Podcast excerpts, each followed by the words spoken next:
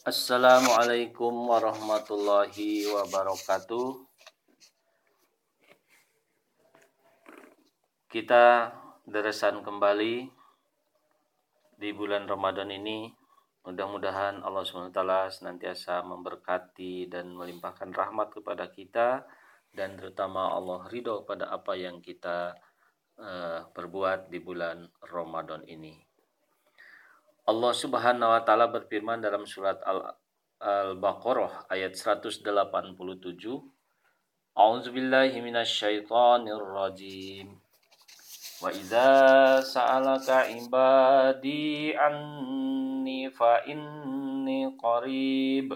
Ujibu da'watan da'i idza da'ani falyastajibu li wal yu'minu la'allahum yarshudun yang artinya dan apabila hamba-hambaku bertanya kepada engkau tentang aku maka katakanlah sesungguhnya aku dekat. Aku mengabulkan doa-doa orang yang berdoa apabila ia berdoa kepadaku. Karena itu hendaklah mereka menyambut seruanku dan beriman kepadaku supaya mereka mendapat petunjuk.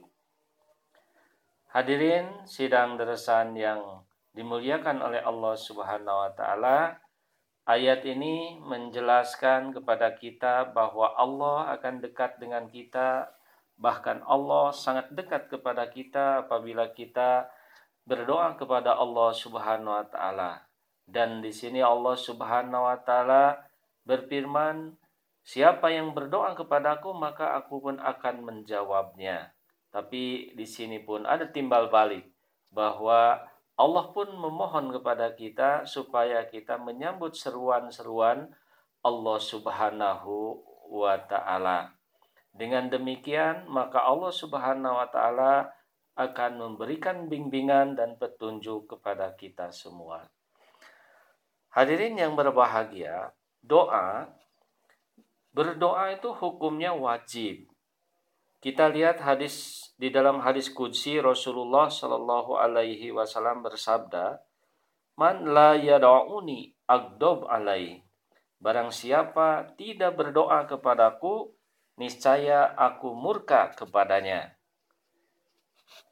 Ini sangat jelas sekali jadi kalau kita tidak berdoa kepada Allah Ta'ala, Allah Ta'ala akan murka. Siapa yang mau dimurkai oleh Allah Subhanahu Wa Ta'ala?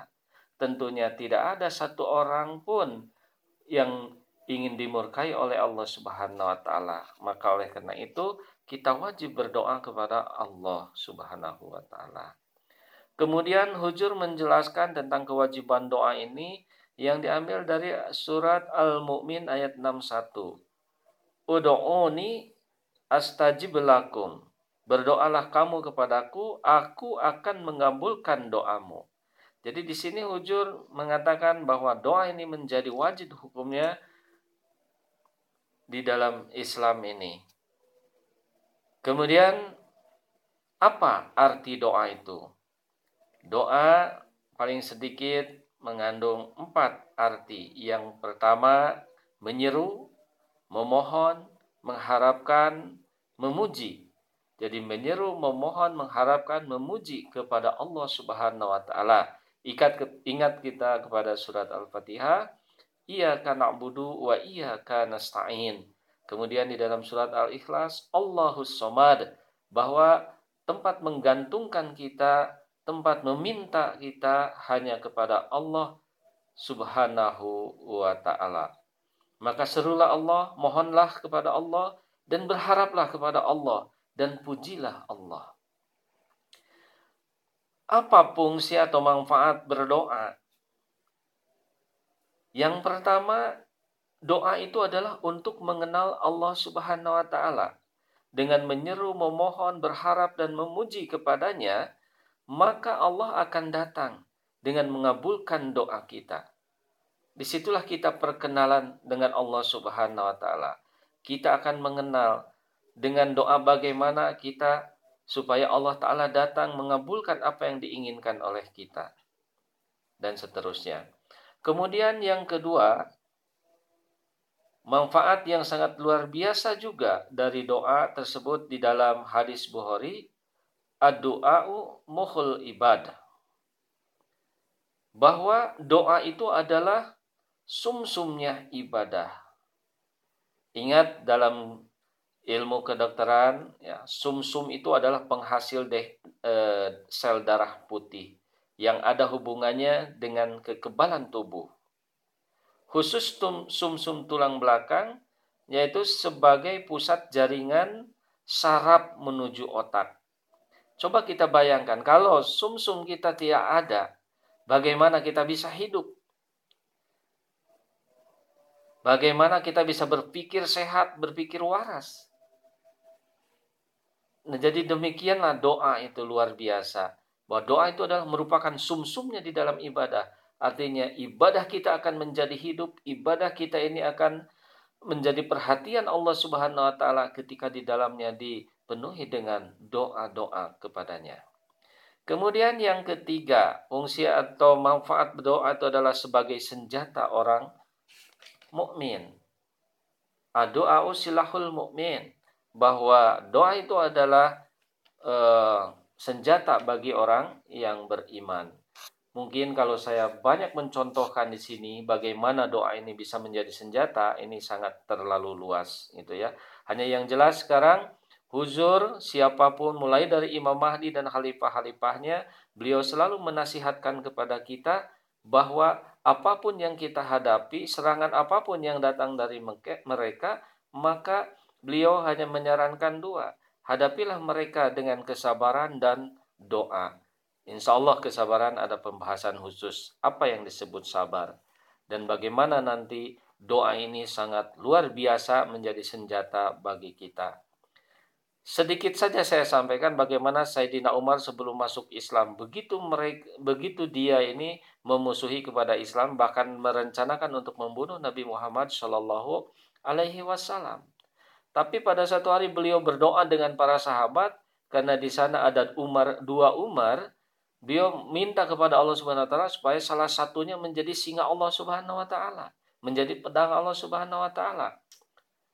Nah, jadi ternyata doa itu sangat mujarab sekali. Allah Subhanahu wa taala mendengar doa dari Nabi Muhammad wasallam yang membuat kaget para sahabat pada waktu itu. Rasulullah baru selesai berdoa, tiba-tiba ada yang mengetuk pintu ingin bertemu dengan Rasulullah. Ternyata ketika dibuka, itu Sayyidina Umar sambil membawa pedangnya waktu itu. Jadi yang tadinya ditolak untuk masuk oleh para sahabat, tetapi setelah ada izin dari Rasulullah, beliau disuruh masuk. Dan ternyata setelah berhadapan dengan Rasulullah SAW, justru beliau Sayyidina Umar itu menyatakan membaca dua kalimat syahadat. Maka semuanya serempak mengucapkan Allahu Akbar. Baru saja Rasulullah berdoa untuk Umar ini. Sekarang Umar datang untuk masuk Islam. Jadi itu dengan doa Sayyidina Umar itu masuk ke dalam Islam ini. Jadi sangat luar biasa. Ini perlu dicontoh oleh kita semua. Hanya kita bagaimana mentawajukan diri kepada Allah Subhanahu wa taala, berkonsentrasi dengan khusyuk kepada Allah Subhanahu wa taala, dengan penuh kegelisahan kepada Allah taala, barulah doa itu akan dikabulkan oleh Allah Subhanahu wa taala. Kemudian manfaat yang keempat, doa itu adalah sebagai penangkal takabur, kesombongan. Kenapa?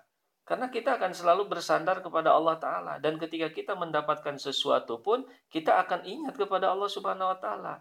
Bahwa ternyata kita tidak bisa, tidak ada daya dan upaya tanpa ada gerakan kekuasaan dari Allah Subhanahu Wa Ta'ala. Jadi apa yang harus ditonjolkan, apa yang harus disombongkan oleh kita. Semuanya itu adalah Allah Ta'ala. La tataharukat daratan illa biidnillah manusia tidak akan bisa menggerakkan sesuatu pun tanpa ada izin Allah Subhanahu wa taala. La haula wala quwata illa billah. Jadi kembalilah kepada Allah. Tidak ada yang perkasa manusia itu. Semuanya adalah mahalul khotawanisyan. Penuh dengan selalu lupa dan selalu banyak kelemahan manusia itu. Tanpa ada pertolongannya, kita tidak bisa berbuat apa-apa. Mengedipkan mata pun kita tidak akan bisa. Selanjutnya hadirin yang berbahagia, Fungsi atau manfaat daripada doa yang kelima adalah pemisah atau penyaring yang baik dengan yang buruk. Manusia ini tadi dikatakan lemah, tidak bisa menguasai, mengetahui apa yang ada di dalam sesuatu benda, di dalam satu zat, di sesuatu yang kita mohon. Kita tahunya itu adalah baik untuk saya, baik untuk aku, luar biasa untuk aku. Tetapi yang gaib di balik itu kita tidak mengetahui, hanya Allah yang tahu. Nah, kalau doa kita selalu dikabulkan oleh Allah Subhanahu wa taala, bisa saja kita malah justru terjerumus. Tetapi Allah yang Maha Rahman dan Rahim, dia menyaring apa keperluan umat manusia pada saat ini. Apa keperluan saya pada saat ini. Allah yang maha mengetahui. Sehingga Allah dari hasil jeripayah kita, doa kita, apa yang kita minta mungkin tidak dikabulkan, tidak diberikan, tetapi Allah mengganti dengan sesuatu yang terbaik untuk manusia. Itulah kita harus memahami hal ini supaya kita tidak mengeluh, tidak menyesal, tidak putus asa. Karena ketidakterkabulan doa itu justru adalah merupakan pengabulan doa itu sendiri dari Allah SWT. Kalimat ini perlu direnungkan. Ini datang dari hadat Imam Mahdi alaihissalam. Saya kasih contoh di sini. Saya seorang yang berpenghasilan hanya pas-pasan, mungkin hanya satu juta atau dua juta. Saya ingin mobil yang mewah. Berdoa terus. Dari pengabulan Allah Subhanahu Wa Taala, Allah Taala memberikan sepeda pada saya.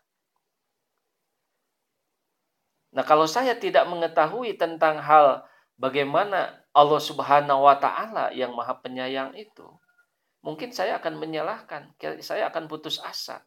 Saya minta mobil kok diberi sepeda. Tapi ternyata setelah kita renungkan, setelah kita apa namanya pikirkan semua itu, itu adalah justru bentuk kasih sayang Allah Subhanahu wa taala. Allah memberikan sepeda karena ya gaji yang ada, penghasilan yang ada hanya cukup untuk memelihara sepeda. Coba kalau kita diberikan apa namanya mobil yang besar, mobil yang paling bagus, yang mewah, bagaimana bulanannya untuk servisnya? Habislah untuk servis. Bagaimana pajaknya? Apalagi gitu. Pasti gede pajaknya. Dan pemeliharaan-pemeliharaan yang lainnya. Nah di sini dikatakan doa ini adalah pemisah atau penyaring yang baik dan yang buruk. Jadi artinya apa pun yang diberikan oleh Allah Ta'ala itu Itulah yang terbaik untuk kita. Itu kita harus selalu bersyukur kepadanya. Dan yang keenam, doa adalah sholat. Sholat adalah doa. Jadi yang keenam ini adalah pengendali alam semesta. Jadi kalau kita sudah memahami tentang doa, tentang arti sholat ini, maka alam semesta ini akan diperuntukkan untuk kita, untuk manusia. Di dalam hadis kunci Allah Ta'ala berfirman, yang disampaikan oleh Rasulullah SAW. Ya dunia uhdumi man khodamani wastakhdimi man khodamaki. Hei dunia, khidmatilah orang-orang yang selalu menyembah kepadaku. Dan perbudaklah orang-orang yang menyembah kepada engkau, wahai dunia. Jadi artinya kalau kita benar-benar berdoa kepada Allah Subhanahu wa taala, maka alam semesta ini ada dalam genggaman orang-orang yang beriman. Kenapa sekarang belum? Kenapa sekarang tidak? Ya, kita perlu introspeksi diri ke dalam diri kita. Sudah sejauh mana keimanan kita? Sudah sejauh mana kita mempercantik keimanan kita dengan amal soleh sehingga kita menjadi orang yang bertakwa yang bertakwa yang dikatakan hakiki takwa yang sempurna dalam ketakwaannya. Itulah yang perlu kita introspeksi dan di bulan Ramadan inilah saatnya untuk mengintrospeksi, untuk memperbaiki ketakwaan kita, untuk meningkatkan ketakwaan kita kepada derajat yang lebih tinggi lagi. Hadirin yang berbahagia, saya kira untuk bagian pertama dari doa, falsafah dan hakikat doa, jadi sampai di sini dulu akan berlanjut insya Allah pada deresan berikutnya. Mudah-mudahan Allah Subhanahu wa taala memberikan kelapangan kepada kita sehingga kita dapat memahami ilmu-ilmu Allah Subhanahu wa taala. Wabillahi taufik wal hidayah. Wassalamualaikum warahmatullahi wabarakatuh.